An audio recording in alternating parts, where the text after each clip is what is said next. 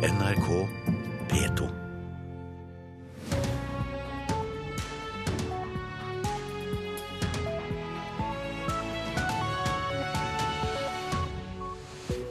Og dette er Nyhetsmorgen med Øystein Heggen i studio. Stillesitting og tobakksbruk skaper folkesykdommer, men to faglige råd for forebygging av slike sykdommer legges ned. Forbudet mot oljefyring kan være i strid med EØS-reglene. Forbrukerombudet trapper opp arbeidet mot villedende markedsføring av boliger og helsetjenester. Forbrukerombud Elisabeth Lier Haugseth kommer hit. Og nå er det også skjedd med Henrik Ibsen. Klassikeren Per Gynt blir dataspill. Ja, vi vet jo godt at stillesitting og tobakksbruk skaper folkesykdommer, men så trenger vi kanskje av og til råd eh, mot å gjøre det.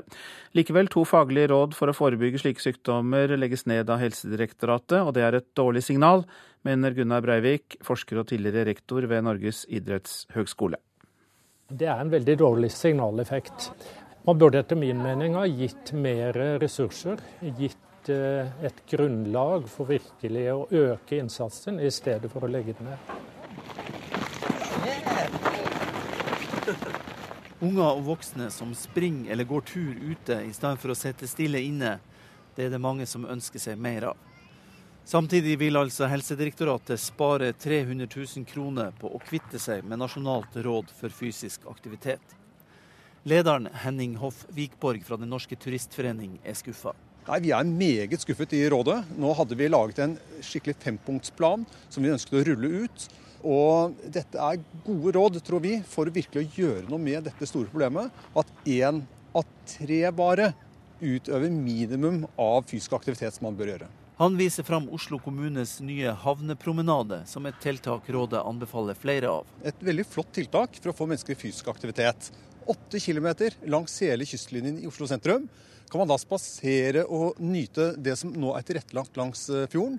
Og disse containerne vi ser her, de er små fyrtårn rundt hele løypa. Så se etter de oransje containerne og følg ruten på 8 km. En fantastisk tilbud for at mennesker skal være fysiske i bymiljøet. Også Nasjonalt råd for tobakksforebygging blir lagt ned for å spare 300 000 kroner. Det konstaterer leder Grete Seppolatell, professor i samfunnsmedisin ved Universitetet i Bergen. Jeg syns at det sender et dårlig signal at et råd som eh, fokuserer spesielt på forebygging av kroniske sykdommer, skal, eh, skal legges ned. Hvert år dør 2500 nordmenn av kreft som skyldes røyking. Og stillesetting bidrar bl.a. til hjerte-karsykdommer, diabetes og psykiske plager. Helsedirektoratet skal spare penger, men avdelingsdirektør Jakob Lindhave sier at de fortsatt er opptatt av å forebygge livsstilssykdommer. Helsedirektoratet skal også i årene som kommer være en tydelig faglig aktør på begge fagområdene. Og dette er ikke noen nedprioritering av eh, verken fysisk aktivitet eller tobakksforebyggende arbeid. Men det kan fort oppfattes sånn? Det skjønner jeg, men eh, det er overhodet ikke vår intensjon. Dette er, handler om hvordan vi bruker de ressursene vi har tilgjengelig og hvordan vi skal jobbe sammen med fagmiljøene i årene framover. Ved Norges idrettshøgskole er Gunnar Breivik betenkt over at helsemyndigheten nå kvitter seg med fagrådene. Det er ikke nok at man synser i Trump-stil, man må ha faktisk eh, forskningsbasert kunnskap om eh, hvordan tilstanden er, og hva som virker med tanke på eh, å skape mer aktivitet. Reporter var Kjartan Røslett. Et forbud mot oljefyring er sannsynligvis i strid med EØS-reglene, ifølge en juridisk vurdering. Stortinget har vedtatt et forbud som skal gjelde fra 2020, og Klimadepartementets forslag til retningslinjer har nå vært ute på høring. Mange har skiftet ut den gamle oljefyren allerede. Vi hadde en gammel oljefyr, og vi vet jo at oljefyrer forurenser. Og så var det jo også varslet at det skulle komme et forbud mot å ha oljefyr. Gerd Engelsrud er styreleder i en eldre bygård i Oslo. Oljefyren i kjelleren ble for flere år siden erstattet med fjernvarme. For vårt sameie så ble det ikke så kostbart, fordi vi fikk jo økonomisk støtte fra Oslo kommune.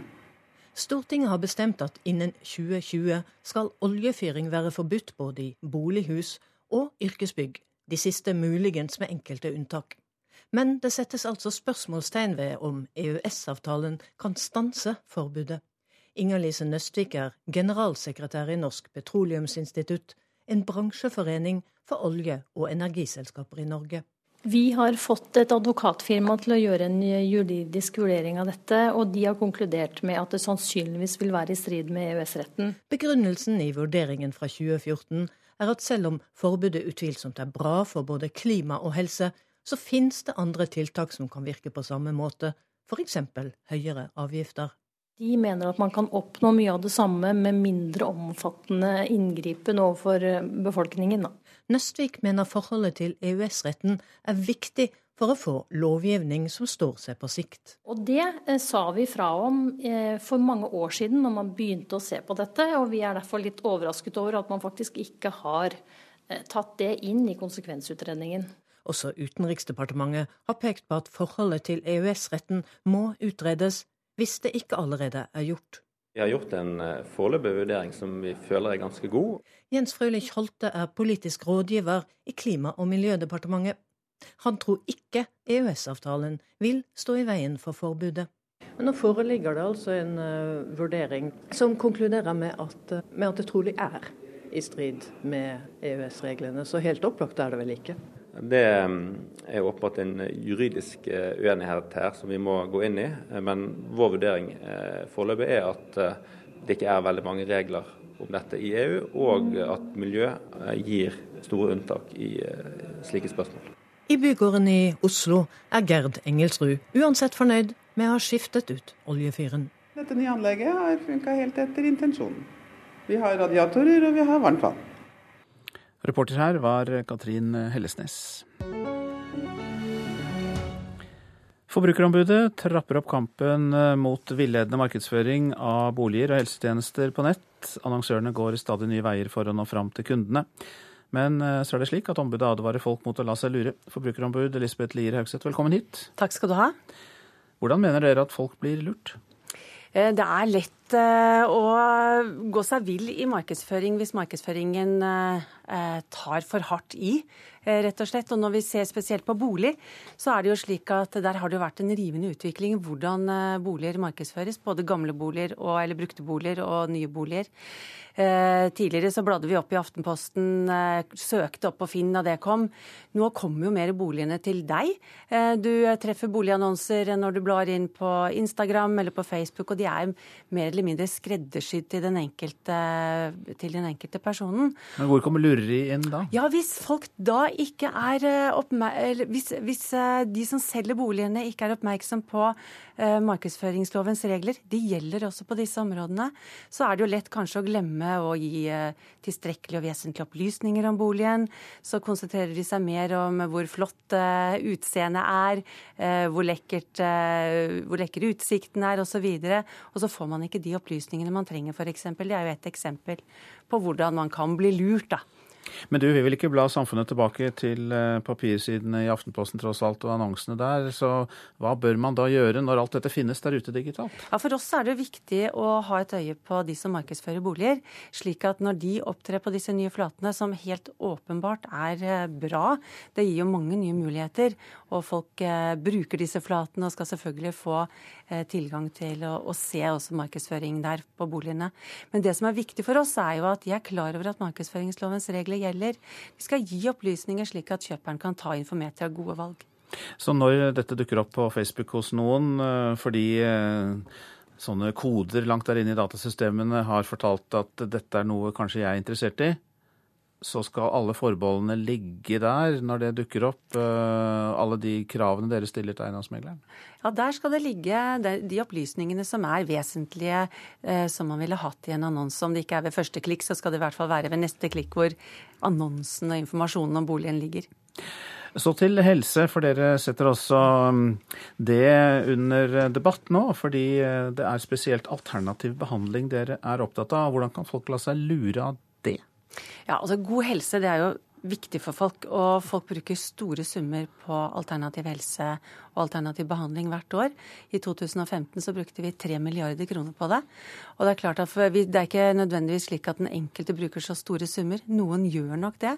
Uh, og det folk kanskje ikke er klar over, er at når det gjelder strenge regler for alternativ behandling, uh, og den som tilbyr akupunktur eller tilbyr homopati f.eks., har ikke lov til å markedsføre at de kan helbrede alvorlige sykdommer og lidelser.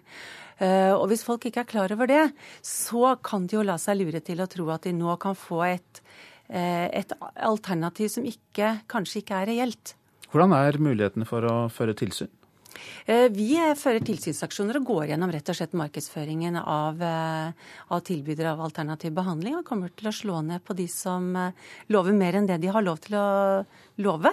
Men har dere, en, har dere en dialog? altså Oppsøker dere kontorene til den enkelte akupunktør, eller går dere gjennom organisasjonene? Hvordan går dere konkret til verks for å rydde opp i dette? Ja, Det kan være på flere måter. Organisasjonene er jo en fin eh, inngangsport for å komme i dialog med, med aktørene. Og det er jo en viktig eh, måte å få til endring på det området. Så, og i tillegg så vil det også være å gå gjennom eh, annonser og reklame. Men er det mange Eh, blant oss som lar seg lure da, av alternativ behandling og går til det i den tro at de blir friske, noe dere mener kanskje er tvilsomt? Ja, Jeg skal ikke si om det er tvilsomt om man blir frisk. Det som er viktig for oss er jo at folk vet eh, hva de går til og hva slags type behandling de får. Og så må jo folk få lov til å velge hvilken type behandling de har, og, og gjerne tro på at de blir friske også. Eh, men det som er men det er nok ganske mange som gjør det. Altså 3, 3 milliarder kroner, store beløp som går til den alternative behandlingen. Takk skal du ha, Elisabeth Lire Haugseth, som er forbrukerombud. forbrukerombud. Så var det avisene da, og det de er opptatt av. Og bankene tjener milliarder på at 190 000 nordmenn setter sparepengene i tre av Norges dårligste aksjefond, kan vi lese i Dagens Næringsliv.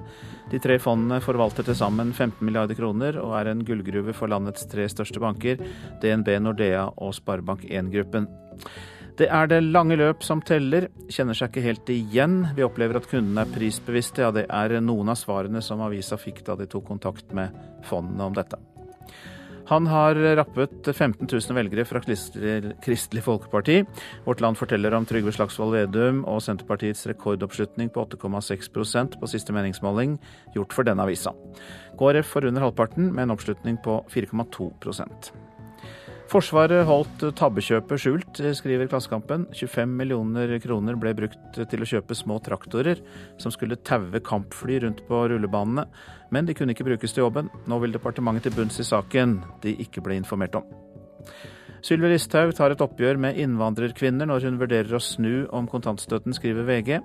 KrF-leder Knut Arild Hareide mener Frp-statsråden går til angrep på barnefamiliene, og at hun dyrker konflikter. Aftenposten forteller om George Benadi, som har sittet innelåst på Trandum asylmottak i 45 måneder, og det er norgesrekord.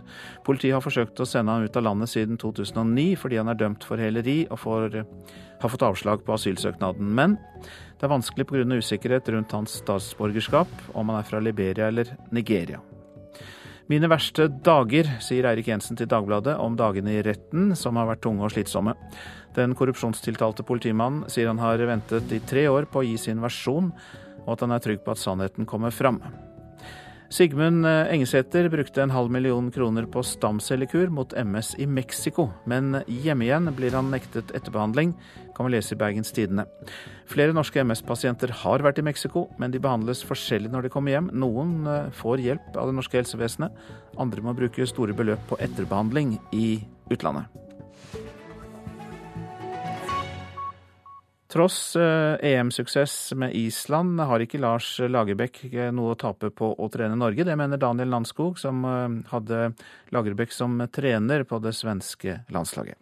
Landskog tror gamlesjefen, som nå blir den norske nysjefen, kan få uforløst potensial i den norske troppen og få det fram. Ja, men Han har jo alt å vinne. Med tanke på resultatene som Høgmo hadde, så, så kjennes det som jeg holdt på å si, det kan ikke bli mye sämre. Daniel Landskog er sterk i troen på at Lars Lagerbäck vil lykkes som norsk landslagssjef. Landskog mener Per-Mathias Høgmo ikke var i nærheten av å få ut potensialet som bor i norsk fotball. Så dårlig som Norge har spilt når jeg har sett dem. Så dårlig syns jeg ikke at de är. Eh, så att det finnes en veldig oppside, kjenner jeg. Så Jeg jag tycker det er et bra val av Lagerbäck å gå til Norge. Jeg tror han også ser en potential i, eh, i detta Norge. Annars tror jag inte han hade, han hade hoppat på eh, detta tåget. Så att det känns som at han kan gjøre veldig mye med, med, dette Norge. Men nøyaktig hvor mye Lagerbäck kan få ut av det norske landslaget, gjenstår jo å se. NRKs fotballekspert Carl Petter Løken fikk med seg at Lagerbäck fortsatt tror på VM-plass for Norge, med han som trener. Det er veldig bra at han mener det. Jeg tror ikke Norge når eh, VM, men det er klart det er den rette tilnærminga til de resterende kampene i den kvalifiseringa her. Vi ønsker jo også absolutt å få det beste ut av det, men, men jeg tror ikke vi når eh, VM. Men eh, jeg håper vi får se et landslag som presterer bedre og ikke minst begynner å vinne fotballkamper. Det er det viktigste. Så får vi se. Reporter her var Erik Sergio Auklende. Klokka går mot 6.49. Dette er hovedsaker. Barneombudet reagerer kraftig på at en mindreårig ungdom ble holdt på sikkerhetscelle og fikk på seg håndjern før han skulle sendes ut av Norge. Mer om denne saken etter klokka sju. Et forbud mot oljefyring er sannsynligvis i strid med EØS-reglene, ifølge en juridisk vurdering. Stortinget har vedtatt et forbud som skal gjelde fra 2020. Stillesitting og tobakksbruk skaper folkesykdommer, men Helsedirektoratet legger ned to faglige råd for forebygging av slike sykdommer.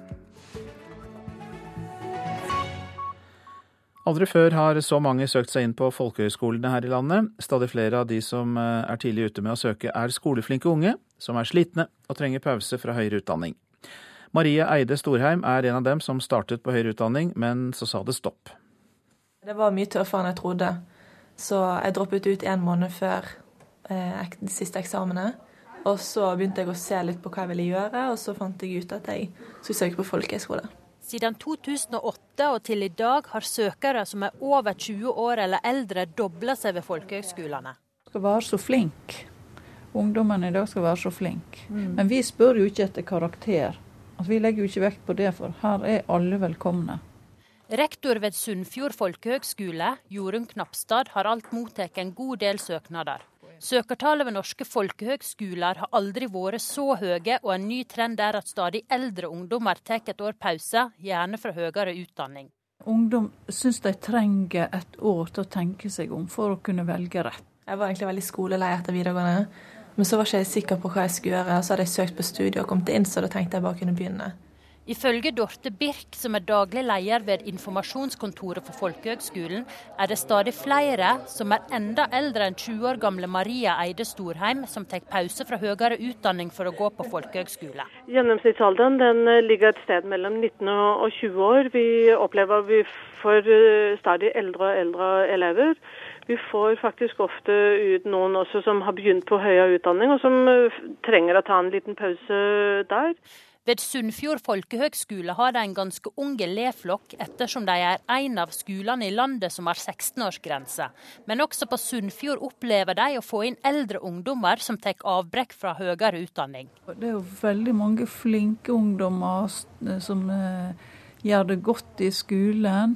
Men eh, de har kanskje et press på at de skal være så vellykka. Jeg kjenner veldig mye på det. Og det er veldig mye annet press bare med kropp og utseende òg.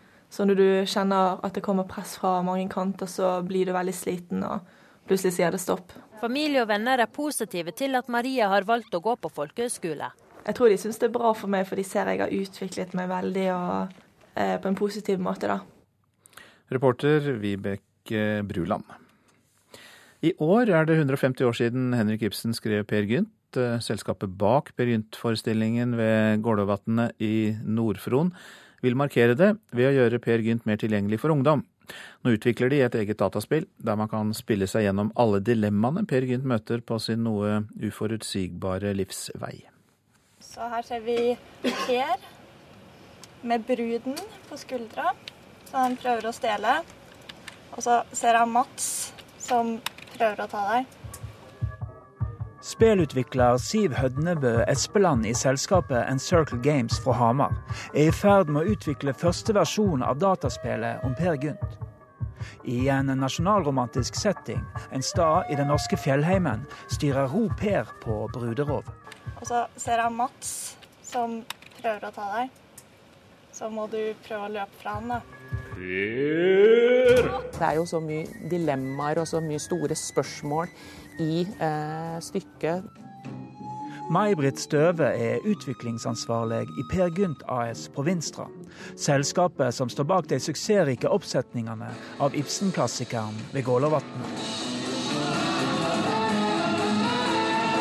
Vi har jo gjennom åra hørt om mange som eh, er litt lek, Jeg har et ambivalent forhold til Per Gynt, som syntes det var veldig kjedelig på skolen. Dataspillet blir det viktigste virkemidlet for å dra enda flere unge inn i den 150 år gamle historien. Eller de dilemmaene som finnes i stykket, altså der du må tenke litt eh, i forhold til ja, at du kjenner det at når Bøygen sier 'gå utenom', hva gjør jeg i, i slike situasjoner? Vi ønsker jo å ta tak i den dybda òg i spillet. Og det er jo, det er vanskelig i en, i en, spillverden, men eh, jeg har jo veldig tro på at de klarer det, disse gode samarbeidspartnerne her på Hamar. Når du spiller Per Gynt, så får du en eh, action-komediespill, men med ja, uventet dybde, eh, som også går over i å bli litt trist, og etter hvert også kanskje litt, uh, litt skummelt. Det er speldesigner Katarina Due Bøhler fra Sarepta Studio, også det på Hamar, som har det overordna ansvaret når Per Gynt nå skal bli en spillkarakter. Hun mener han har det meste som trengs for å lykkes. Han passer faktisk ganske bra som en uh, skal si, den helten man ikke helt hadde trodd skulle være en helt. Nå er målet å også nå unge langt bortenfor norske klasserom. Vi er jo vant til å lage et spill for en internasjonalt publikum. Så det er jo en ambisjon om å få det oversatt til masse forskjellige språk og virkelig kunne spre ordet.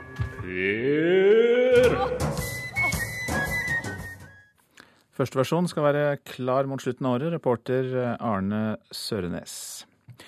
Hillary Clinton skal skrive nye memoarer, der hun også tar med den mislykkede presidentvalgkampen i fjor, opplyser forleggeren hennes. Boken blir en essaysamling inspirert av sitater hun har samlet gjennom sine tiår i offentlighetens lys. Den skal gis ut i løpet av andre halvår i år, opplyser forlaget Simon and Schuster. Og selskapet Oculus, som er eid av Facebook, er dømt til å betale 500 millioner dollar for å ha brukt stjålet datateknologi til sine VR-briller. Det er sånn virtuell virkelighet-briller, da. Oculus' grunnlegger er dømt til å betale 50 millioner dollar til selskapet Zenimax, som sto bak denne teknologien. Gatekunstfestivalen New Eh, mener tiden er inne for å markedsføre Stavanger som kunstby internasjonalt, nå som oljealderen er på hell og får støtte fra politikerne i byen. Et senter for urban kunst skal utredes, og det skal settes ned en tverrfaglig gruppe som skal se hvordan kunst kan brukes i byutviklingen. Et supplement til eksisterende samtidskunstmiljøer, og gjerne et senter for noe som er nytt, som er urban kunst, som er street art, som er meget spennende sier leder for kommunalstyret for kultur i Stavanger, Anna Maria Gotieres. Byens kultursjef ville avslå søknaden fra selskapet bak gatekunstfestivalen Nuart om å få 450 000 kroner til å utrede noe de kaller for en Art City Pilot, altså et kunstbyprosjekt. Kultursjefen mente bl.a. at søknaden var for uklar, men politikerne ville det annerledes. Vi ønsker ikke å avvise blankt en slik søknad. Riktignok gis det ingen penger foreløpig, men den delen av forslaget som gikk ut på å danne et senter for urban kunst, gikk politikerne enstemmig inn for å be kommunen om å utrede nærmere, sammen med Nuart. Det sier Fremskrittspartiets Kristoffer Sivertsen. Jeg tror mange politikere er redde for at Nuart sier at vi ikke vil prioritere Stavanger lenger. Og det er Jeg Jeg syns jeg har gjort en kjempegod jobb så langt med å sette Stavanger på kunstkartet, og markedsføre Stavanger på en helt utmerket måte. For politikerne føler behov for å forsvare Nuart, også i lys av debatten om gatekunstfestivalen i Stavanger denne høsten og vinteren. Det er underholdning som er lett å forstå, og som dermed fort blir litt kjedelige kunsten som sprer seg som en sånn nesten sopp eh, utover byen, for og med ordene om økonomisk vekst. Det, det, ja, det er skremmende, rett og slett. Etter at kunstner Natasha Askelund og kunstkritiker Sigrun Hodne gikk ut med kritikk i NRK i september, har debatten rast om gatekunsten prioriteres foran annen kunst, om den er for dårlig, og om den ikke er fri, men snarere et instrument for rike eiendomsutviklere. Stavanger Art City An art city can increase cultural tourism. Men ideen om å gjøre Stavanger til en art city, en kunstby full av urban kunst, provoserer ikke politikerne, snarere tvert imot. Vi har høyt kompetanse på street art, og det må vi gjerne være stolt av. Politikerne vil fornye kommunens kunstutvalg, som skal jobbe mer aktivt enn i dag. Og det skal dannes en ny tverrfaglig arbeidsgruppe med kunstnere, arkitekter og byutviklere, som sammen skal se på hvordan ulike kunstformer kan brukes for å utvikle byens uterom. Men det betyr ikke at kunsten nå blir underordnet byutviklingen, sier Høyres Eli Aga. Det vi gjør i disse grepene vi har vedtatt i dag, er på en måte å løfte kunst i det offentlige rom opp i bevisstheten til politikerne, til Stavanger kommune. Vi sier jo rett ut at vi vil satse mer på kunst i det offentlige rom. Eh, altså, her blir jo gatekunsten satt på linje med den andre kunsten. Og grunnleggeren av Nuart, Martin Reed, sier at Senter for urban kunst er på idéstadiet. Det er en strategi mer enn et kontor, og en utnytting av nettverk og kompetanse som allerede finnes. So we don't want Stavanger to be perceived as a failing oil economy. Stavanger må ikke få merkelappen 'feilslått oljeby', men heller bli kjent som en moderne kunstby ute i verden, sier Reed. Og han vil samarbeide med Kunstmuseet, Kunsthallen og alle de andre som vil være med på dette urbankunstprosjektet. Anette Johansen Espeland var reporter. Og så værvarselet. Sørøst-Norge sørlig kuling i fjellet og skyet vær, litt snø sør og vest for Oslo. Vestlandet sørøstlig stiv kuling på kysten, en del regn, særlig i Rogaland. Noen regnbyger også på kysten lenger nord, men fra formiddagen stort sett opphold nord for Bergen. Trøndelag skyet eller delvis skyet opphold. Nordland sørøst liten kuling med vekslende skydekke og litt sludd og snø av og til. Troms sørlig liten kuling utsatte steder, litt uh, sludd og snø først på dagen, seinere opphold. Finnmark sørvestlig kuling som minker utover dagen. Et nedbørsområde brer seg østover og gir snø, mest i nordlige deler av Finnmark. Svalbard sørlig kuling på vestkysten, skyet vær, litt snø i sørlige deler. Et par temperaturer. Svalbard minus 8, Kirkenes minus tolv, Bergen og Stavanger begge 4, Røros minus 17, Oslo 0. Det var de vi fikk med denne gangen.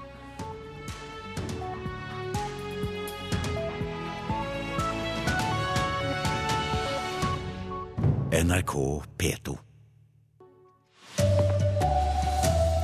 Stillesitting og tobakk fører til folkesykdommer. Likevel kvitter Helsedirektoratet seg med to råd som jobber med å forebygge.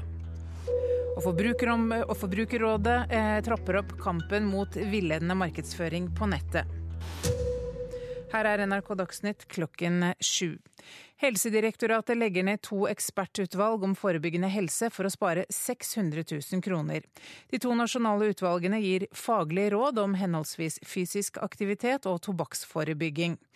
Og nedleggelsen er svært beklagelig, sier Henning Hoff Vikborg, leder av Nasjonalt råd for fysisk aktivitet. Det er et meget uheldig signal fra helseminister og helsedirektøren om at fysisk aktivitet blir ikke prioritert. Også Nasjonalt råd for tobakksforebygging blir lagt ned for å spare 300 000 kroner. Vi må spare, men er fortsatt opptatt av forebygging, sier avdelingsdirektør Jakob Lindhave i Helsedirektoratet. Helsedirektoratet skal også i årene som kommer være en tydelig faglig aktør på begge fagområdene. Og dette er ikke noen nedprioritering av eh, verken fysisk aktivitet eller tobakksforebyggende arbeid. Reporter Kjartan Røslett. Barneombudet mener politiet utsatte en 17 år gammel gutt for psykisk tortur da han skulle sendes ut av Norge med tvang. Gutten satt først tolv timer på glattcelle, og på flyet ut måtte han ha på et magebelte med håndjern og fotlenker. Politiet sier de satte gutten på glattcelle så han ikke skulle skade seg selv. Forbrukerombudet trapper opp kampen mot villedende markedsføring av boliger på nett. Annonsørene går stadig nye veier, men forbrukerombud Elisabeth Lier Haugseth advarer nå folk mot å la seg lure. Det er lett å gå seg vill i markedsføring hvis markedsføringen eh, tar for hardt i. Nå kommer jo mer boligene til deg. Du treffer boligannonser når du blar inn på Instagram eller på Facebook, og de er mer eller mindre skreddersydd til den enkelte personen. Markedsføringslovens regler de gjelder også på disse områdene. Så er det jo lett kanskje å glemme å gi eh, tilstrekkelige og vesentlige opplysninger om boligen. Så konsentrerer de seg mer om hvor flott eh, utseendet er, hvor lekre utsikten er osv. Og, og så får man ikke de opplysningene man trenger, f.eks. Det er jo et eksempel på hvordan man kan bli lurt, da. USAs president Donald Trump skal ha slengt på røret da han snakket med Australias statsminister Malcolm Turnbull i helgen. Ifølge Washington Post skulle de egentlig snakke sammen i en time, men i stedet ble samtalen avbrutt av Trump før det var gått en halv. Bakgrunnen skal ha vært at Turnbull ville ha bekreftet at USA kom til å holde avtalen om å ta imot 1250 flyktninger fra Australias omstridte flyktningeleire. Denne avtalen ble inngått under Obama, og Trump skal ha påstått at denne ville få ham politisk drept, og anklaget Australia for å eksportere de neste Boston-bomberne. NRK Dagsnytt, Marit Selmer Nedrelid. Nyhetsmorgen fortsetter med disse sakene. Forbrukslånsrenta bør kraftig ned, mener Huseiernes Landsforbund, som vil ha et lovfestet tak på hvor høy renta kan være. En av tre bedrifter i byggenæringen sliter med å få tak i fagarbeidere. Libanons nye president vil kaste ut syriske flyktninger. Minst én million krigsflyktninger har søkt tilflukt der. Og en forsker og psykologspesialist kommer hit for å kommentere det vi hørte i Dagsnytt nettopp, at en 16 år gammel gutt ble utsatt for psykisk tortur, ifølge Barneombudet.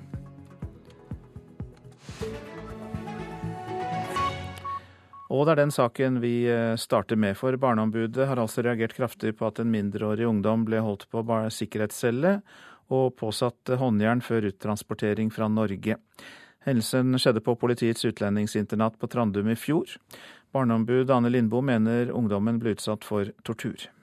Når du utsetter eh, en eh, ungdom som er i akutt krise, eh, som har store psykiske utfordringer for både glattcelle og bodycuffs, så er det helt åpenbart psykisk tortur. En 17 år gammel gutt og familien hans ble i fjor uttransportert fra Norge med tvang. Under pågripelsen forsøkte gutten å skade seg selv, og ble derfor plassert på en glattcelle i tolv timer. I forbindelse med selve flyturen ble han påsatt håndjernsystemet bodycuff i fire timer. Lindboe mener politiet hadde andre alternativer. Alternativene her er å bruke den tiden som er nødvendig eh, for å roe og, og trygge gutten, og sørge for at han er i en mye bedre helsetilstand eh, før han settes på det flyet, sånn at du slipper å bruke bodycuffs. Sånn ser den ut. Snu igjen. En ansatt ved politiets utlendingsinternat på Trandum viser hvordan en såkalt bodycuff, et magebelte med tilhørende håndjern og fotlenker, fungerer. Håndjernene er festet i reimer, som gir nokså god bevegelsesfrihet dersom den pågrepne holder seg rolig. I motsatt fall kan reimene strammes slik at hendene låses inntil kroppen, og det blir umulig å løpe. Og låser her. Vi har ikke egne regler for tvangsmidler knytta til mindreårige, men vi har et strengt regelverk. Eh, og innenfor det, så når det gjelder mindreårige, så tar vi selvfølgelig ekstra hensyn til at det dreier seg om barn. Det sier avdelingsleder ved Trandum, Kristina Legreid. Hun er uenig i at mindreårige utsettes for tortur på Trandum. Jeg opplever eh, psykisk torturbegrepet som misvisende. Hun sier bruken av sikkerhetscelle er for å hindre at noen skader seg selv. Det vil alltid være eh, personer som er i situasjoner hvor vi, for å kunne klare å ta ansvar for dems liv og helse på en best mulig måte, trenger dette som virkemidler. Tall fra politiet viser at ytterligere tre mindreårige har vært innsatt på sikkerhetsavdelingen de siste to årene, men på et lavere sikkerhetsnivå. Politiet har ikke oversikt over hvor mange mindreårige som er blitt uttransportert med bodycuff. Barneombud Anne Lindboe oppfordrer nå Justisdepartementet til å instruere politiet om å ikke bruke tvang mot barn, og sier det er alvorlig at det ikke finnes regler om tvangsbruk mot mindreårige på Trandum. Og Derfor er det ekstremt viktig at vi får et, et godt regelverk på plass nå, eh, som, som sørger for at eh, politiet ikke har muligheten for å bruke denne typen tvangsmidler mot barn. Reportere Kristine Næss Larsen og Camilla Wernersen. Og Silje Mørup Ormhaug, velkommen hit. Takk. Forsker og psykologspesialist ved Nasjonalt kunnskapssenter om vold og traumatisk stress. Det var altså en 17-åring det gjaldt dette her. og Hvor skadelig kan en slik behandling eh, være? Jeg tenker at I utgangspunktet så vil jo det å bli plassert på glattcelle i så lang tid, og deretter å bli påsatt bodycups være noe som er eh, oppleves som svært vanskelig for de aller fleste barn. Og spesielt for et barn som er i en situasjon hvor du er veldig opprørt og engstelig i utgangspunktet. Men er du enig i at det kan karakteriseres som psykisk tortur, slik Barneombudet gjør? Jeg syns det er vanskelig å skulle bestemme om akkurat denne hendelsen går inn under det som defineres som tortur, da. men jeg mener at hendelsen i verste fall kan ha vært potensielt traumatiserende for gutten og bidratt til å forsterke hans følelse av avmøkthet og hjelpeløshet. Og Lindboe viser jo til at andre tiltak burde blitt eh, tatt i bruk. Hvilke metoder bør da kunne brukes for å roe et barn? Jeg tenker det som hun sier, det å møte gutten og bruke tid på å forstå øh, opplevelsen hans og fortvilelsen hans vil være veldig viktig. Og jeg tenker også det å huske på at selv om norske myndigheter her har bestemt at denne familien ikke har behov for beskyttelse, og at det er trygt å reise dit de skal reise, så er det ikke sikkert det oppleves sånn for gutten. Og dermed å bruke tid på å roe han og gi informasjon, og bruke eventuelt tolk hvis det er problemer med språk, vil være viktig. Hva er det som gjør at et barn, i dette tilfellet en ungdom på 17 år, går så langt som å skade seg selv da, i forbindelse med en uttransportering? Eh, ofte når barn skader seg selv, så er jo det et ekstremt uttrykk for eh, sterk indre smerte eller et forsøk på å håndtere en situasjon de ikke har kontroll over. Så jeg tenker Når det skjer i forbindelse med en uttransportering, så er det et uttrykk for hvor ekstremt vanskelig og fortvilet uh, dette har vært opplevd for gutten. da. Um, ja. Men eh, barneombud Anne Lindboe eh, hun oppfordrer Justisdepartementet til å instruere politiet om ikke å bruke tvang. At eh, det er altså mot barn og ungdom da, at det er alvorlig at det ikke finnes regler om tvangsbruk mot mindreårige på Trandum. Hva syns du om det faktisk ikke er et slikt regelverk? Jeg tenker jo at alle steder hvor barn oppholder seg og hvor myndighetene har ansvar for barn, så bør det finnes strenge regler for bruk av tvangsbruk. I, på samme måte som i helsevesenet og i barnevernet. At sårbare barn har et særlig behov for beskyttelse som går utover institusjonelle grenser. Da. Men mener du at det er eh, tilfeller eh, ved f.eks. utsendelse som eh, her, da, at man kan tillate seg å ja, binde et, fast, et, barn fast eller en ungdom fast for å roe det ned? Vil, vil det i det hele tatt være tilrådelig? Jeg tenker jo at Uansett så vil det å bruke tvang mot barn bør alltid være aller, aller siste utvei. Og selvfølgelig i noen situasjoner så vil man være nødt til å holde barnet fast for å beskytte det mot seg selv, eller å beskytte det mot å påføre seg selv eller andre alvorlig skade.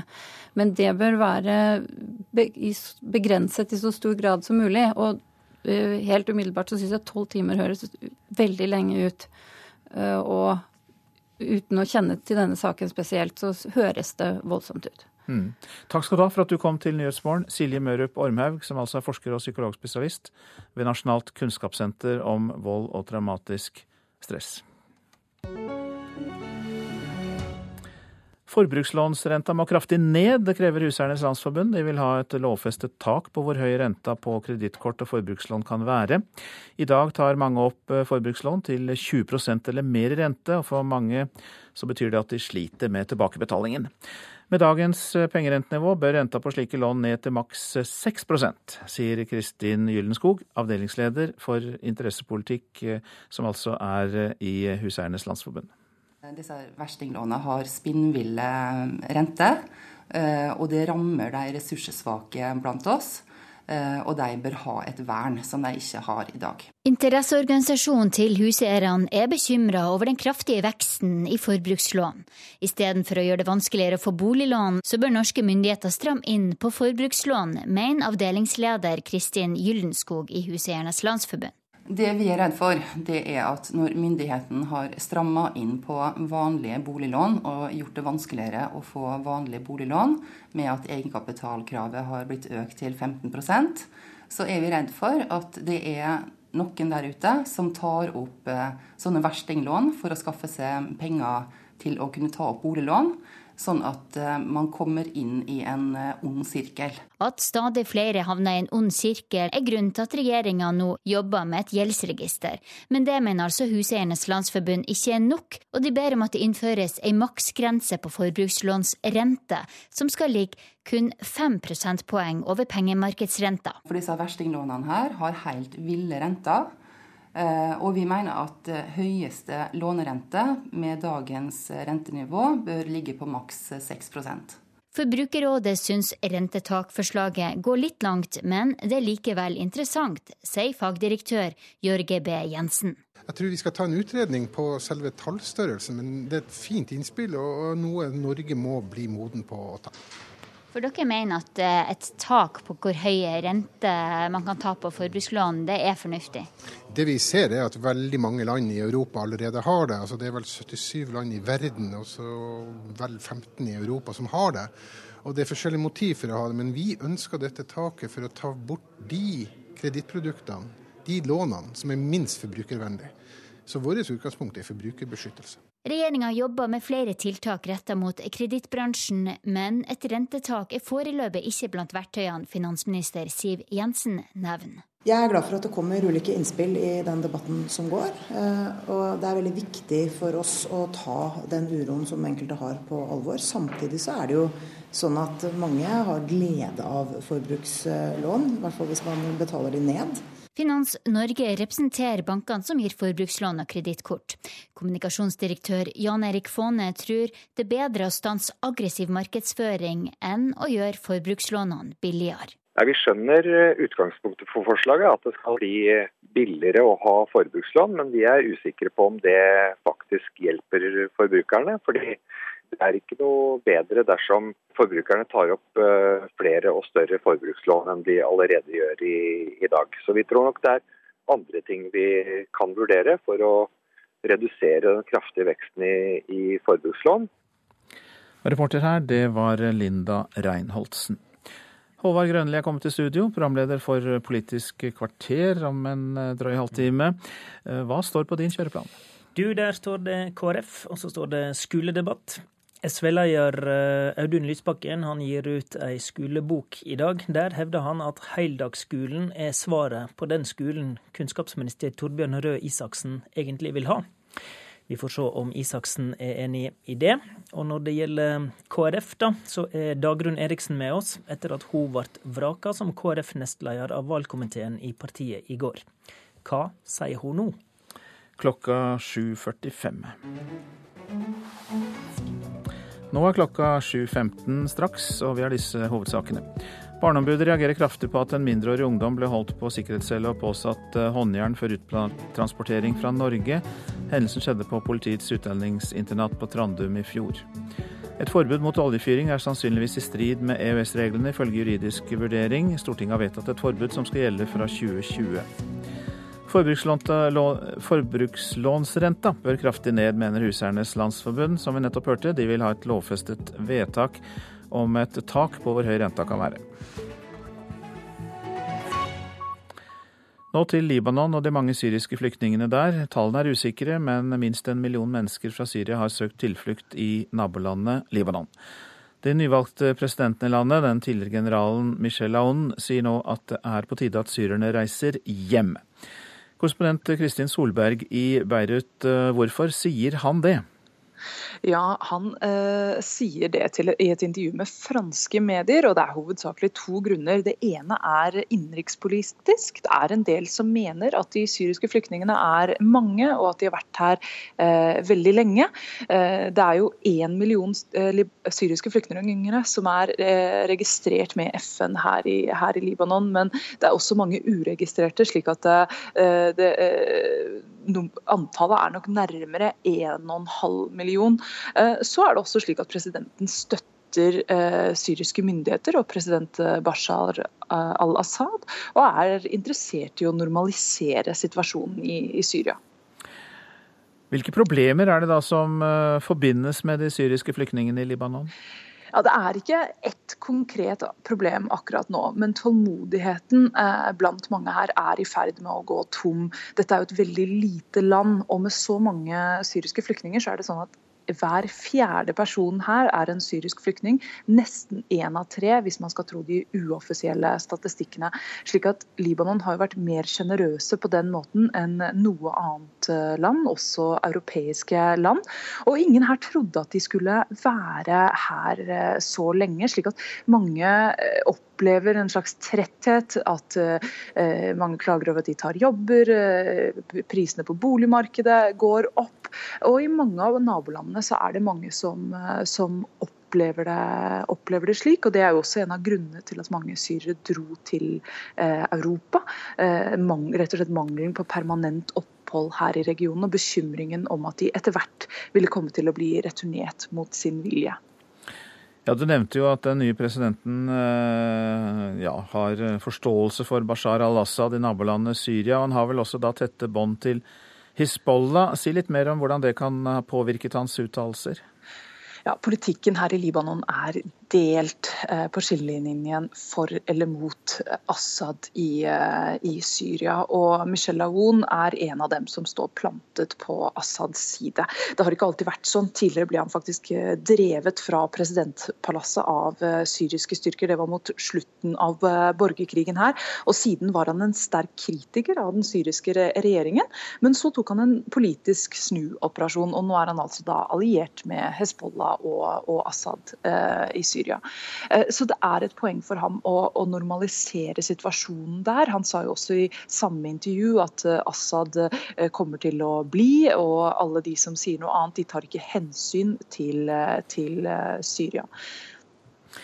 Og de syriske flyktningene da er alle sammen motstandere av Assad? Nei, ikke alle. Mange er det. Eh, mange har mistet eh, familiemedlemmer, slektninger, venner i eh, opprøret mot, mot, Assad. Men det er også noen som, som, støtter ham. Og så er det alle dem som, som, bare er lei av situasjonen, og som sier ja, for seks år siden så skulle vi gjerne ha sett at Assad gikk av, men nå vil vi bare ha fred og muligheten til å reise hjem. Korrespondent i Beirut, Kristin Solberg, takk skal du ha. Смотрите, оно, оно не свистит, оно не мусит. Det vi hører her, er lyd fra krigshandlingene i Ukraina. Nærmere bestemt Donetsk og et område som er kontrollert av de russiskstøttede opprørerne. Konflikten har blusset opp igjen i det siste, men hvorfor? Moskva-korrespondent Morten Jentoft, i Kreml har de kommet med at grunn eh, De har en spesiell grunn til at det er blitt urolig i Øst-Ukraina igjen. Hva er det? Ja, eh, russiske myndigheter, eh, bl.a. Eh, president Vladimir Putins utenrikspolitiske sjefsrådgiver Juri Usjakov, han sier det at regjeringen i Kiev, den ukrainske regjeringen, bruker da denne muligheten til å framprovosere krigshandlingene for å kunne legge skyld på Russland, for å vise at Russland blander seg inn i konflikten i Ukraina. Og selvfølgelig, man ønsker nå å vise seg fram overfor den nye amerikanske eh, administrasjonen til eh, Donald Trump.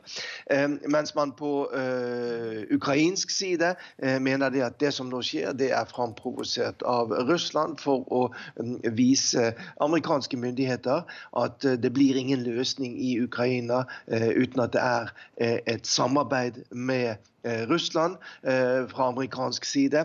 Og eh, talsmannen til president Vladimir Putin, Dmitrij Peskov, han sier også det at det som nå skjer, viser nødvendigheten av dialog mellom Russland og USA. Ja, så Begge parter bruker dette med Donald Trump som en slags forklaring på at de tror motparten har startet det hele? da? Ja, eh, det kan jo se, se, sånn ut. Interessant er det også å se litt hvordan den nye amerikanske administrasjonen forholder seg til det som nå skjer i Ukraina. Eh, Sean Spicer, altså eh, president Donald Trumps pressetalsmann, han var i går ute med relativt forsiktige uttalelser når det gjelder den siste eskaleringen av krigshandlingene øst i Ukraina. Man sendte også ut bare en seks Eh, linjer lang pressemelding om det som skjedde, uten å nevne Russlands navn, Russlands innblanding i konflikten. Noe som er noe helt nytt i forhold til den tidligere amerikanske eh, administrasjonen. Sånn at eh, Det er jo de som ser på dette som et signal om at kanskje USA er i ferd med å endre sin politikk i forhold til det som skjer i Ukraina. Hva er det ukrainerne ønsker at uh, Trump skal gjøre? da? Jeg regner med at russerne vil at uh, det ikke skal legge seg opp i noe, altså amerikanerne. Men hva ønsker ukrainerne? Altså Ukrainernes Målet deres er jo selvfølgelig å få tilbake kontroll over disse separatistkontrollerte områdene øst i, i landet. Det er, jo, øh, det er jo hele kan du si, hele Ukrainas politikk bygger jo på det. Man ønsker også selvfølgelig å få tilbake den okkuperte Krimhalvøya, men i første omgang så dreier det seg om Donbas, øh, Øst-Ukraina. Der sier man også nå at, ganske åpent at øh, kanskje kan det bli nødvendig med en militær løsning på denne konflikten konflikten. Og, og, og, det kan jo eh, være en av årsakene til at eh, man fra ukrainsk side nå da har satt i gang kamphandlingene også. Så her er det mange motiver, grunner som ligger bak det som nå skjer. Konsekvensen er jo da voldsomme kamper, mange drepte, titusenvis av sivile som er uten varme og, og, og vann, og en farlig situasjon som, som fort fort kan utvikle seg til full krig igjen. Takk skal du ha, Moskva-korrespondent eh, Morten Jentoft. Så til det avisen er opptatt av her hjemme. Bankene tjener milliarder på at 190 000 nordmenn setter sparepengene i tre av Norges dårligste aksjefond, kan vi lese i Dagens Næringsliv. De tre fondene forvalter til sammen 15 milliarder kroner og er en gullgruve for landets tre største banker, DNB, Nordea og Sparebank1-gruppen. Og avisa har spurt fondene, og de svarer bl.a. at i det lange løp eh, det er det som teller. De kjenner seg ikke helt igjen i beskrivelsen, og de opplever at kundene likevel er prisbevisste. Han eh, har rappet 15 000 velgere fra Kristelig Folkeparti. Vårt Land forteller om Trygve Slagsvold Vedums og Senterpartiets rekordoppslutning på 8,6% på siste meningsmåling gjort for avisa. KrF får under halvparten med en oppslutning på 4,2 Forsvaret holdt tabbekjøp skjult, skriver Klassekampen. 25 millioner kroner ble brukt til å kjøpe små traktorer som skulle taue kampfly på rullebanen. Men de kunne ikke brukes til jobben. Nå vil departementet til bunns i saken de ikke ble informert om. Sylvi Listhaug tar et oppgjør med innvandrerkvinner når hun vurderer å snu om på kontantstøtten, skriver VG. KrF-leder Knut Arild Hareide mener Frp-statsråden går til angrep på barnefamiliene og dyrker konflikter. Aftenposten forteller om George Benadi, som har sittet innelåst på Trandum asylmottak i 45 måneder, og det er norgesrekord. Politiet har forsøkt å sende han ut av landet siden 2009 fordi han er dømt for heleri og fått avslag på asylsøknaden. Men det er vanskelig pga. usikkerhet rundt hans statsborgerskap, om han er fra Liberia eller Nigeria. Mine verste dager, sier Eirik Jensen til Dagbladet om dagene i retten som har vært tunge og slitsomme. Den korrupsjonstiltalte politimannen sier han har ventet i tre år på å gi sin versjon i retten, og at han er trygg på at sannheten kommer fram. Sigmund Engesæter brukte en halv million kroner på stamcellekur mot MS i Mexico, men hjemme igjen blir han nektet etterbehandling, kan vi lese om i Bergens Tidende. Flere norske MS-pasienter har vært i Mexico, men de behandles forskjellig når de kommer hjem. Noen får hjelp av det norske helsevesenet, mens andre må bruke store beløp på etterbehandling i utlandet.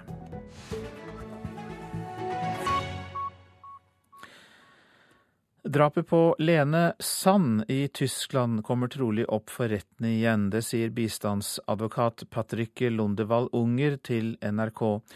Tysk domstol har gitt beskjed om at det trolig ble begått eh, en saksbehandlingsfeil, siden den drapsdømte ikke ble undersøkt godt nok av psykologer før saken mot ham startet i fjor. Mannen er dømt eh, til eh, sju års fengsel for å ha drept den 36 år gamle norske kvinnen i Berlin. Og Lundevall Unger sier han ser mørkt på en ny runde. Det er helt forferdelig altså for meg. Jeg, for, jeg følte at det var sjokk Da jeg fikk den beskjeden fra domstolen i Tyskland og politiet. Jeg følte at det raste litt eh, At verden, også min som jurist, raste faktisk litt sammen. Det går på at, igjen, saksbehandlingsfeil. At man skulle ha utredet ham før vi startet saken i Berlin. At man den gangen allerede kunne konstatere at han var utilregnelig i drapsmomentet. Det var altså bistandsadvokat Patrick Lundevall eh, Unger som sa det. Det gjaldt altså drapet på Lene Sand i Tyskland. 36% av bedriftene i byggenæringen sliter med å få tak i fagarbeidere, viser ny undersøkelse fra Byggenæringens Landsforening. I mars eh, går fristen ut for å velge studieretning for landets 16-åringer, og i fjor var det kritisk få i Oslo som valgte bygg- og anleggsteknikk. Harry, kan du ta og sette deg på den sargen her? Ja. Og legge inn stålbånd. Vi er på en byggeplass på en sjø i Oslo, der Hari Prashat Pageratan er i gang med å sette opp en vegg i en leilighet. Han jobber som lærling i Skanska, og er en av få ungdommer i Oslo som har valgt å gå inn i byggebransjen. Eh, når jeg gjør ferdig en vegg f.eks., og den gleden den gir meg, den er nesten ubeskrivelig. 19-åringen hadde svært gode karakterer på skolen, men valgte å gå imot anbefalingen fra lærere, rådgivere og foreldre om at akademia var veien å gå. I dag kombinerer han fagbrev med studiekompetanse, og ser for seg en lang karriere i bransjen. I byggenæringen så er det ganske mange muligheter. Og eh, tallene viser jo at det er veldig mye behov for eh, nye fagarbeidere med god kompetanse. Det er ganske synd at elever ikke velger dette her. I fjor valgte 11 000 skoleelever i Oslo studiespesialisering, mens bare 105 valgte bygg- og anleggsteknikk. Det er eh, historisk høy byggeaktivitet i Norge. Eh, og det er mange spennende muligheter innen bygg- og anleggsfag.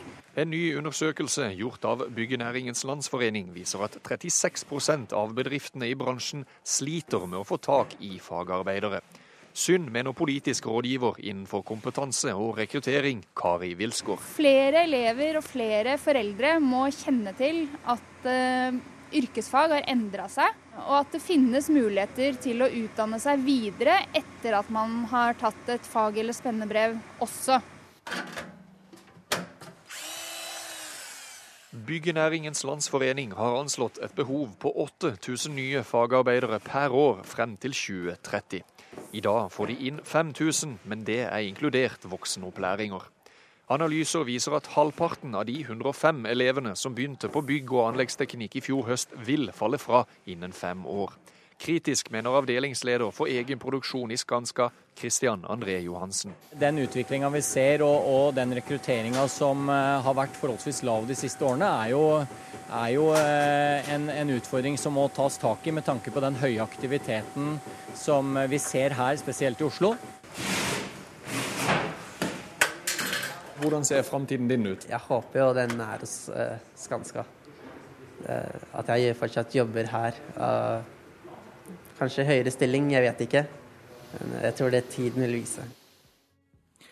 Reporter var Edin Babic. Prosent for Nyhetsmorgen i dag, Vidar Eidhammer. Her i studio, Øystein eh, Heggen. Det brenner fortsatt i Chile. Landet er rammet av den verste skogbrannkatastrofen i moderne tid. Det kan du høre mer om i reportasjen etter Dagsnytt. Og heldagsskole eller ei, det er tema for debatten mellom Høyre og SV i Politisk kvarter kvart på åtte. NRK P2.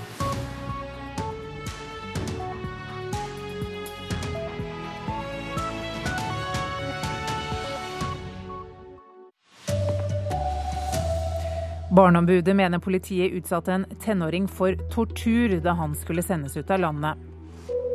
Stillesitting og tobakk fører til folkesykdommer.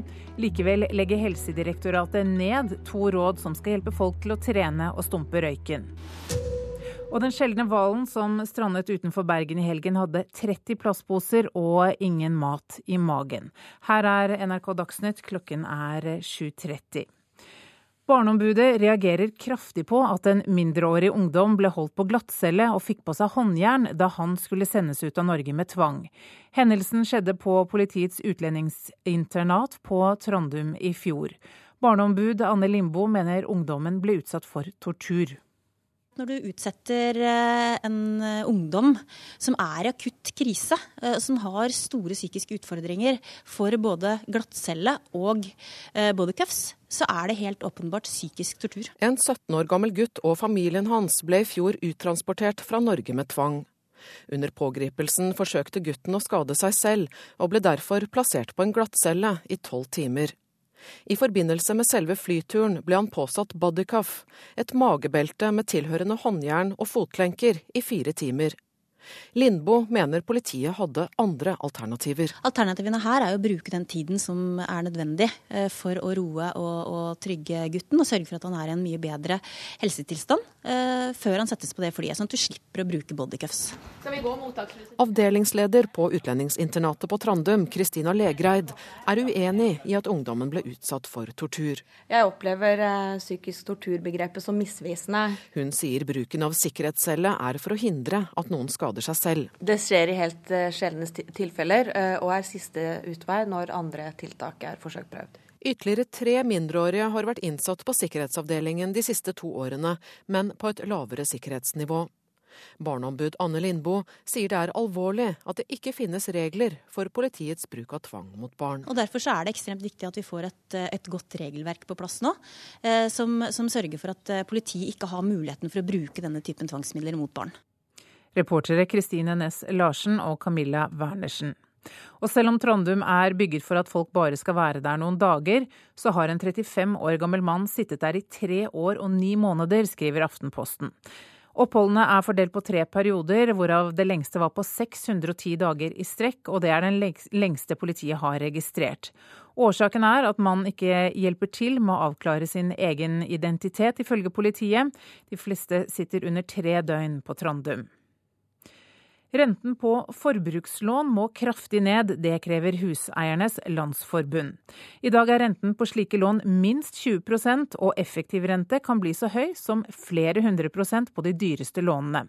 Men siden dagens rentenivå er så lavt, så bør ingen få lov til å ta mer enn 6% i rente. Det mener avdelingsleder for interessepolitikk Kristin Gyldenskog. Disse verstinglånene har spinnville renter. Eh, og det rammer de ressurssvake blant oss.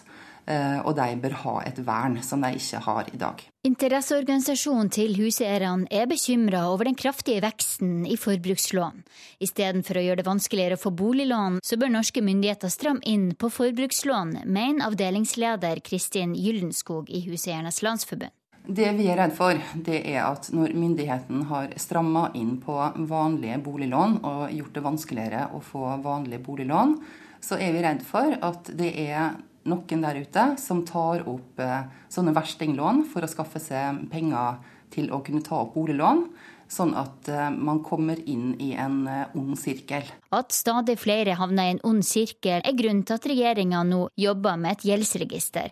Men det mener altså Huseiernes Landsforbund ikke er nok, og de ber om at det innføres ei maksgrense på forbrukslånsrente, som skal ligge kun 5 prosentpoeng over pengemarkedsrenta. Forbrukerrådet syns rentetakforslaget går litt langt, men det er likevel interessant, sier fagdirektør Jørge B. Jensen. Jeg tror vi skal ta en utredning på selve tallstørrelsen, men det er et fint innspill og noe Norge må bli moden på å ta. Regjeringa jobber med flere tiltak retta mot kredittbransjen, men et rentetak er foreløpig ikke blant verktøyene finansminister Siv Jensen nevner. Jeg er glad for at det kommer ulike innspill i den debatten som går. Samtidig så er det jo sånn at mange har glede av forbrukslån, i hvert fall hvis man betaler de ned. Reporter her Linda Reinholdsen. Stillesitting og tobakksbruk fører til folkesykdommer. Likevel kvitter Helsedirektoratet seg med to nasjonale råd som jobber for at folk skal bli mer aktive og stumpe røyken. Og det gir en dårlig signaleffekt, mener Gunnar Breivik, som er forsker og tidligere rektor ved Norges idrettshøgskole. Man burde etter min mening ha gitt mer ressurser for virkelig å øke innsatsen, i stedet for å legge det ned. Unger og voksne som springer eller går tur ute i stedet for å sitte stille inne, det er det mange som ønsker seg mer av. Samtidig vil altså Helsedirektoratet spare 300 000 kroner på å kvitte seg med Nasjonalt råd for fysisk aktivitet. Lederen Henning Hoff Vikborg fra Den norske turistforening er skuffa. Nei, Vi er meget skuffet i rådet. Nå hadde vi laget en skikkelig fempunktsplan som vi ønsket å rulle ut. Og dette er gode råd, tror vi, for virkelig å gjøre noe med dette store problemet. At én av tre bare utøver minimum av fysisk aktivitet som man bør gjøre. Han viser fram Oslo kommunes nye havnepromenade som et tiltak rådet anbefaler flere av. Åtte kilometer lang eh, trasé langs fjorden her i Oslo. Også Nasjonalt råd for tobakksforebygging blir lagt ned for å spare 300 000 kroner. Det konstaterer leder Grete Seppolatell, professor i samfunnsmedisin ved Universitetet i Bergen. Jeg syns at det sender et dårlig signal at et råd som eh, fokuserer spesielt på forebygging av kroniske sykdommer, skal eh, skal legges ned. Hvert år dør 2500 nordmenn av kreft som skyldes røyking. Og stillesetting bidrar bl.a. til hjerte-karsykdommer, diabetes og psykiske plager. Helsedirektoratet skal spare penger, men avdelingsdirektør Jakob Lindhave ser at de fortsatt er opptatt av å forebygge livsstilssykdommer. Helsedirektoratet skal også i årene som kommer være en tydelig faglig aktør. Og dette er ikke noen nedprioritering av eh, verken fysisk aktivitet eller tobakksforebyggende arbeid. Reporter Kjartan Røslett. En amper telefonsamtale mellom USAs president Donald Trump og den australske statsministeren har ført til full forvirring om hva som kommer til å skje med flyktningeavtalen mellom de to landene. Trump skal ha bl.a. sagt at avtalen er den dummeste noensinne. Tusenvis av demonstranter møtte opp i natt i New York. Mange av dem uttrykte sinne. Sinne mot president Donald Trump og hans flyktning- og immigrasjonspolitikk. Og det er tydeligvis flyktninger som også har gjort Donald Trump sint. Sint i natt, og ifølge Washington Post på lørdag under en telefonsamtale med den australske statsministeren. Well, jeg har lest det de skriver, sier statsminister Malcolm Turnbull, og det kommer jeg ikke til å gi noen kommentar til. Uh, det det dreier seg om, er en avtale Obama fikk i stand. En avtale som innebærer at USA skal ta imot flyktninger Australia ikke vil ha. Um, det Turnbull ikke vil kommentere, er at Trump skal ha eksplodert da Turnbull ba om forsikringer. Forsikringer om at avtalen fortsatt var i boks. Det er den verste avtalen noensinne. Den vil få meg politisk drept, skal Trump ha sagt og det er omtrent det han skrev på Twitter i natt etter at saken ble kjent. Kan du tro det, skriver Trump. Hvorfor skal vi ta imot tusenvis av flyktninger? Jeg skal se nærmere på denne dumme avtalen. Uh, Turnbull har en litt annen vinkling på det. Han sier at Trump godtok avtalen. Det skrev Det hvite hus også på tirsdag, men at flyktningene skal gjennom en ekstrem bakgrunnssjekk. Reporter Halvard Sandberg. Den sjeldne gåsenebbhvalen som strandet og ble skutt utenfor Bergen i helgen, var stappfull av plast. Det var helt tilfeldig at zoologer eh, ved Universitetet i Bergen ble gjort oppmerksom på hvalen, og det var et trist syn som møtte forskerne da de åpnet magen. Det forteller zoolog Terje Lislevann ved Universitetsmuseet. Det var eh, drøyt 30 store Eh, plastbiter. En hel del plastposer, rett og slett, som, eh, som fylte opp eh, magen på hvalen. Resten av tarmene og, og resten av fordøyelsessystemet inneholdt veldig lite tegn på at han hadde fått i seg mat. Det tyder på at han nok hadde sulta i, i lengre tid, rett og slett. Og denne hvalen blir nå undersøkt, og den skal også etter hvert stilles ut. Og du kan lese mer og se bildene av all plasten i hvalens mage på våre nettsider nrk.no. Ansvarlig for denne sendingen Sven Gullvåg. Jeg heter Marit Selmer Nedrelid.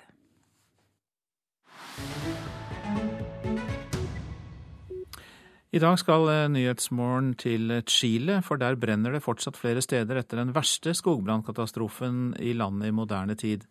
Elleve mennesker er omkommet og titusener er blitt evakuert. Chiles statsminister kunngjorde i går en rekke tiltak, og her rapporterer Arnt Stefansen fra Rio de Janeiro.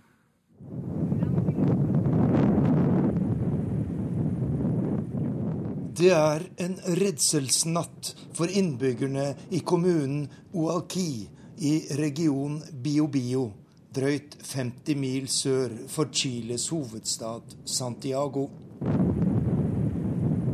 Et hav av flammer legger hus etter hus i aske, og for noen er det for sent å komme seg unna. Silvana Garcia og hennes to døtre er blant de uheldige og ser døden i øynene men en dyp grøft på eiendommen blir redningen for den lille familien. Jeg fikk med jentene, og jeg forklarte at de måtte hoppe ned i den tre meter dype grøfta. Vi fant noen metallplater som vi la over åpningen, og slik lå vi i en halv time mens brannen raste over oss. Jeg var sikker på at vi skulle dø, og døtrene mine gråt og var livredde. Utrolig nok overlevde vi, men huset vårt og alt rundt ble flammenes rov, sier Silvana Garcia. Chile er rammet av den verste brannkatastrofe i moderne tid. Nærmere 4000 kvadratkilometer, et område på størrelse med Østfold fylke, er svidd av i de mer enn 100 skogbrannene som har rast de siste ukene, og de menneskelige lidelsene er enorme. Vi gjør alt for å hjelpe ofrene, sier Chiles president Michel Bachelet. Det er en innsats i tre faser. Den første er kampen mot brannene og arbeidet med å redde mennesker, dyr og eiendom. Deretter handler det om å organisere evakueringen av dem som er rammet, og bringe frem den hjelpen de trenger. Og den tredje fasen er den omfattende gjenoppbyggingen som ligger foran oss.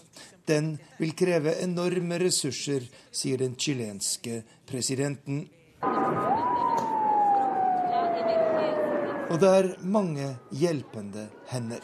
Ikke bare i Chile, men i hele verden. De siste dagene har flere land sendt spesialfly, blant dem såkalte supertankere, til Chile for å delta i slukkingen.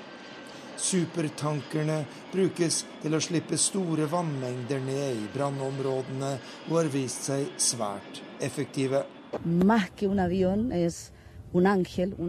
Dette er mer enn et fly. Det er en engel som redder Chile, og som redder oss alle, sier en takknemlig innbygger i den sentrale regionen Bio-Bio, der skogbrannene har gjort størst skade. En ti år lang tørke og historisk høye temperaturer har gjort Chiles skoger knusktørre, og stadig flammer det opp i nye områder. Mer enn 40 personer er arrestert, mistenkt for å ha antent brannene som har herjet landet de siste ukene. Dette er hovedsaker i Nyhetsmorgen. Barneombudet mener politiet utsatte en tenåring for tortur da han skulle sendes ut av landet. Hendelsen skjedde på politiets utlendingsinternat på Trandum i fjor. Stillesitting og tobakk fører til folkesykdommer. Likevel legger Helsedirektoratet ned to råd som skal hjelpe folk til å trene og stumpe røyken. Forbrukslånsrenta bør kraftig ned, mener Huseiernes Landsforbund. De vil ha et lovfestet tak på hvor høy renta kan være. En sjelden hval som strandet utenfor Bergen i helgen, hadde 30 plastposer, men ingen mat i magen. Det var et trist syn, sier en av forskerne som undersøkte hvalen.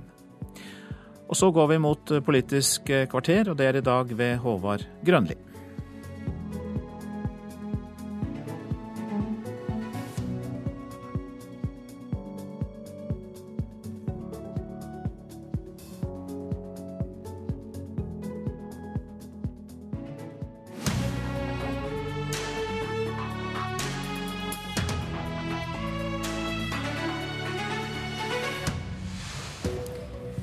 Heldagsskole med fysisk aktivitet, leksehjelp og mat. Hørt det før, sier du? Ja, det har du. Så hvorfor skal vi høre på SV denne gangen? Blant annet fordi heldagsskolen er svaret på den skolen Torbjørn Røe Isaksen vil ha, hevder Audun Lysbakken. Så får vi se om kunnskapsministeren er enig i det, da. Velkommen til Politisk kvarter, der Lysbakken og Isaksen sitter klar. Nok en gang prøver altså SV å gjøre heldagsskolen til ei vinnersak i en valgkamp. Og i dag gir SV-lederen ut ei lita bok på Manifestforlag, der han grunngir og utdyper disse visjonene. I boka bruker han retninga regjeringa sjøl har meisla ut på skolepolitikken som argument. Du skriver, Lysbakken, at den nye skolen trenger en ny skoledag. Forklar det resonnementet. Det skjer nå store endringer i debatten debatten om læring og kunnskap, eh, både i Norge og internasjonalt. Vi har hatt en stortingsmelding der et bredt flertall har slått fast at vi må gjøre den norske skolen mer praktisk og variert. Vi må bort fra overflatelæring og bli flinkere til å lære barna våre å lære. Og det er enighet om at vi må prøve å endre læreplanene i den eh, retningen. Men hvis vi virkelig skal få til et sånt breiere bredere læringssyn, en skole der alle barn kan lykkes, en skole som ikke gir opp et eneste barn, der alle kan lære å trives, så må vi også endre organiseringen av skolen. Det aller viktigste er flere lærere, så det blir mer tid til hvert uh, enkelt barn. Og så ønsker vi å utvide skoledagen noe, ta tid fra SFO, som er dyrt og av varierende kvalitet, og den tiden ungene bruker på hjemmelekser i dag, og bruke den tiden til å skape en mer praktisk og variert skoledag, der det blir mer tid til praktisk-estetiske fag, altså til det å lære gjennom å gjøre ting, til kunst og kultur, der det blir mer plass til fysisk aktivitet, der det blir plass til sunn mat, og der det blir plass til å gjøre leksene på skolen med lærere til stede. Det vil skape en skole der flere barn lærer, der flere barn mestrer, og der flere barn trives. Men prak mer praktisk læring, mer variert læring, lære og lære, det, det, hva er logikken i at en må ha en lengre dag for å nå de målene? Fordi eh, det i dag ikke er nok tid til å få et sånt løft for en mer helhetlig skoledag. Og fordi tiden er overmoden for å organisere skoledagen annerledes.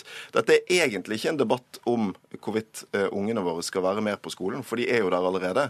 Det er en debatt om hvordan vi skal organisere den tiden ungene bruker på skole og skolearbeid på en bedre måte. Og hvis vi tar av SFO-tiden og fjerner hjemmeleksene, så kan vi skape en mer praktisk og variert dag. Da lager vi en bedre læringsdag for elevene kan, vi lager en bedre arbeidsdag for lærerne. Og så vil vi jo også bidra til å løse tidsklemmer for familiene, for da har ungene fri når de kommer hjem. Og det vil skape en bedre hverdag for både barn og voksne. Kunnskapsminister Torbjørn Røe Isaksen fra Høyre. Du eh, har lagt fram en stortingsmelding, mm. Eh, og du har fått et stortingsvedtak som former framtidsskolen med, som Lysbakken er inne på, dypere læring, færre mål, et breiere læringssyn. Har Lysbakken rett i at en ny organisering faktisk kan gjøre det lettere å nå disse målene? Nei, eh, jeg mener at han ikke har det. Eh, fordi at eh, vi er da enige om, eller Stortinget har vært enige med oss om at det er viktig f.eks. med dybdelæring. Altså det, det, Høyre, som er et parti som alltid har vært opptatt av læring, er jo også opptatt av læring som sitter en helt naturlig konsekvens av det. Det var faktisk men, rørende semje om dette i dette studioet. Da, ja, men, men, men, så er det, men, så, men så er det jeg er bekymra for med Sosialistisk Venstreparti sitt forslag, det er jo for det første at eh, det blir et pålegg om at barna skal være lengre på skolen. Og nå er det sånn at mange bruker skolefritidsordning, særlig i de store byene, men det er ikke alle som gjør det. Men det andre er også at jeg er veldig redd for at Sosialistisk Venstreparti vil skape en slags halvveisskole. Eh, for det, hvis du skal, Jeg mener at det er veldig viktig nettopp fordi at læring, kunnskap, er det avgjørende i skolen. At barna får med seg det de skal. Så er det viktig også at vi hegner om det at eh, skoledagen, det er fagtimer. Det er kvalifiserte faglærere. Det er faglig innhold som skal styre det. Det SV egentlig foreslår, er jo å gjøre om skoledagen til en slags blanding av skolefritidsordning og skole. Og det tror jeg er en dårlig idé. Ja, det kan kanskje gjøre at eh, flere elever er lengre på skolen og på den måten eh, hjelpe foreldrene med tidsklemma, men at det skal bli mer læring igjen for det, det tviler jeg på. Men, men det han primært drar fram, er jo flere lærere, mer tid. Eh, kan en nå målet om djupere læring uten verken flere lærere eller mer tid? da? På, I noen, noen, fag så trenger vi også mer tid. Så det pussige er jo at Audun Lysbakken går jo mot F.eks. Eh, når vi har styrket naturfag i skolen, som har veldig veldig få timer, som gjør at blir, eh, det blir mye overflatelæring. Man ikke får tid til de spennende tingene som f.eks. eksperimenter.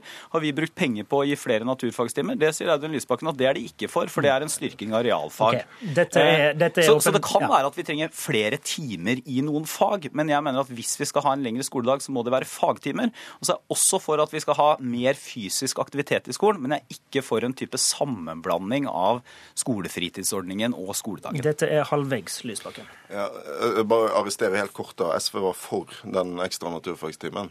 Um, men det illustrerer egentlig hva denne diskusjonen handler om. fordi jeg tror vi må litt bort fra den diskusjonen om vi skal utvide skoledagen eller ikke. De fleste partiene er for en eller annen form for utvidelse. Spørsmålet er med hva. Skal vi ha enda flere tradisjonelle matte- og norsktimer, sånn som vi hører forslag om fra Høyre og Arbeiderpartiet? Eller skal vi bruke den anledningen til å skape en skole med en bredere form for læring, der også alle de ungene som f.eks. lærer best gjennom praktisk læring kan lykkes. Det handler om å få større rom for de praktisk-estetiske fagene, som blir eh, stusslig behandlet av denne regjeringen. Men det handler også om tid til å lære praktisk i de tradisjonelle fagene. Sogn og Fjordane er f.eks. et fylke som eh, mange skoler lykkes godt med dette, der de bruker fysisk aktivitet til, eh, som redskap i matteundervisningen. De har matte- og engelskstafetter. Det er fantastiske resultater eh, med den typen læring. Det er for lite rom for det i norsk skole i dag. Og, og jeg syns Røe Isaksen avslører seg sjøl av det dette veldig smale synet på læring, der, der det å ha en mer praktisk skole, mer fysisk aktivitet osv osv. Det er liksom SFO, mens skole bare er tradisjonell undervisning. Det er et gammeldags syn på læring, men, og det stikker i strid med de faglige rådene vi får fra ekspertene i dag. Men, men, men, det er det jo ikke. Eh, det er verken et gammeldags syn på læring eller eh, noe helt oppsiktsvekkende. For det, det jeg sier, er jo at vi skal ha fagtimer og kvalifiserte faglærere. Hvis du skal få regnestykket ditt til å gå opp, så betyr jo det at de som er ansatt på skolefritidsordningen i dag, vi måtte ta f.eks. skoletimer. Eh, måtte ha f.eks. mattestafetten. Og Mitt poeng er at hvis du ønsker eh, Jeg mener at det kunne vært en god idé f.eks. med flere mattetimer, særlig på ungdomstrinnet, hvor det er også i dag altfor få. Også for å kunne legge til rette for mer variert undervisning. Men det er jo ikke det som er forslaget til SV. Forslaget til SV er å gjøre en lengre skoledag for alle obligatorisk.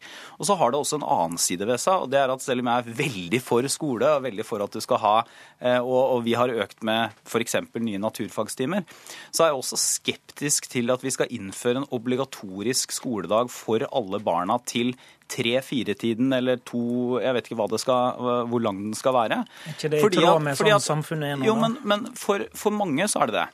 Men det er jo også mange familier som, ikke, som ønsker at barna skal kunne komme hjem litt tidligere som ønsker at barna når skoledagen er ferdig, skal kunne komme hjem, og hvor det passer best for dem. Så den A4-løsningen som SV har, er jo for noen kanskje en eh, praktisk fordi at de allerede går på skolefritidsordning, men for mange familier så vil ikke det passe. Altså, men, men, dette er en litt sånn, uh, dette er en besnærende retorikk, men i realiteten så går jo også Høyre inn for å utvide skoledagen. og Vi har akkurat den samme effekt. De vil bare utvide skoledagen med andre ting enn det vi vil. De skryter mye av at det er flere timer i Oslo-skolen f.eks. I dag er det jo sånn at mange av de barna som ikke er SFO, er de som hadde trengt det aller mest.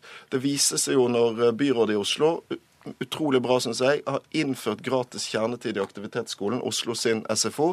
Deltakelsen øker voldsomt. Mange blir holdt utenfor i dag fordi de ikke har råd. Med vårt forslag så vil vi lage en gratis og god dag for alle. Du, du hevder til og med i denne boka at bedre lærertettleik og bortfall av hjemmelekser vil minske sosial ulikskap. Hvordan vet du det? Jeg eh, er helt sikker på at en skole der det blir mer tid til hvert enkelt eh, barn, sånn som flere lærere vil gi, og en skole som gjenreiser respekten for den praktiske læringen, gjør at også de eh, ungene som lærer best på den måten, møtes med respekt, kan trives, oppleve mestring, tror, vil gjøre at flere lykkes. Jeg tror mange vil være enig med meg at det er sunn fornuft. Mer tid til å opp, følge opp alle, og en mer variert skole, det vil bidra til en skole som ikke gir opp et eneste barn. Her kommer jo til noe av kjernen i forskjellen mellom eh, Sosialistisk Venstreparti og Høyre. For det at vi er eh, Fysisk aktivitet er bra, variert undervisning er bra, men alt handler i siste instans om kunnskap og læring. Barna skal være trygge på skolen, og de skal lære det de skal.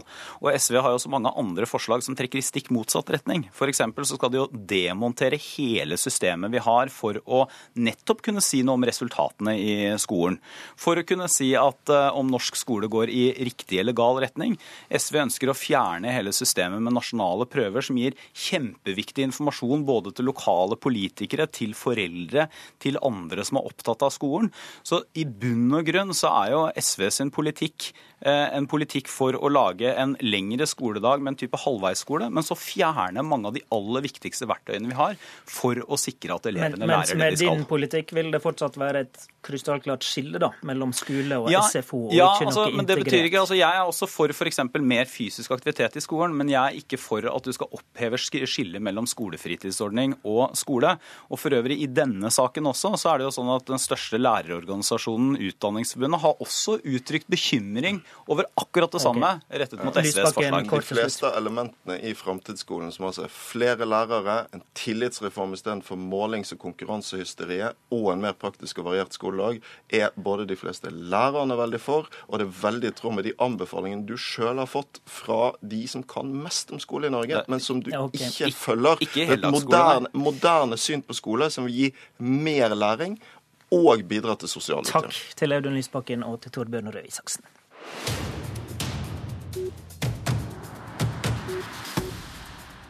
Da tar vi turen til Meløy i Nordland og til Dagrun Eriksens eh, bubil. God morgen. God morgen og velkommen. du sitter inne i bilen, ja? Det gjør jeg, vet du. Du har jo blitt Nordland KrFs stortingskandidat og er på en tidlig valgkampturné.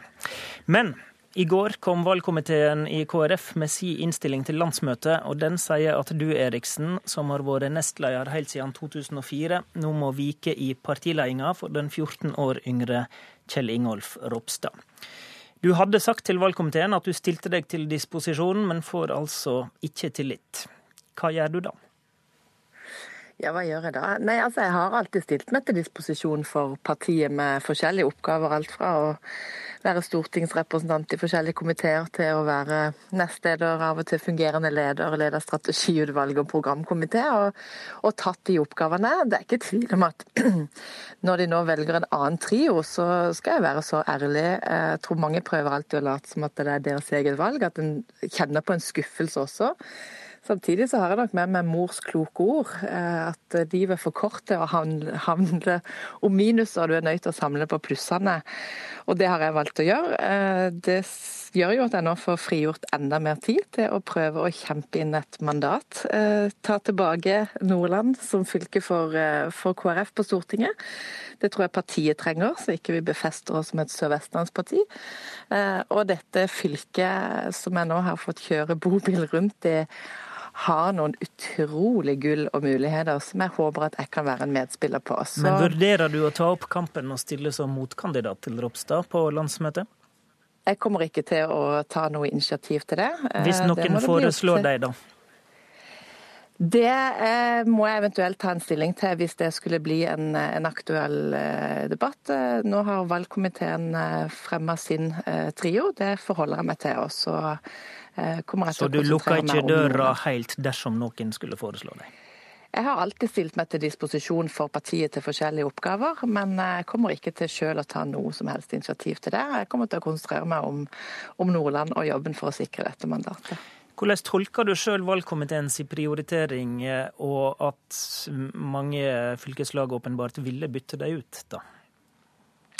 Nei, Det kan handle om mange ting. Det er, det er, litt vanskelig for meg å si, for jeg har ikke fått hatt noen samtale med valgkomiteen. Men, eh, men det er klart at når du har sittet også fra 2004, så er det naturlig at man begynner å se om eh, etter nye. Eh, og så vet ikke jeg helt hva valgkomiteen da har begrunna eh, denne nye sammensetningen med, om de har noen andre hensikter med det. det Tenker du sjøl at det ligger et politisk retningsvalg i dette?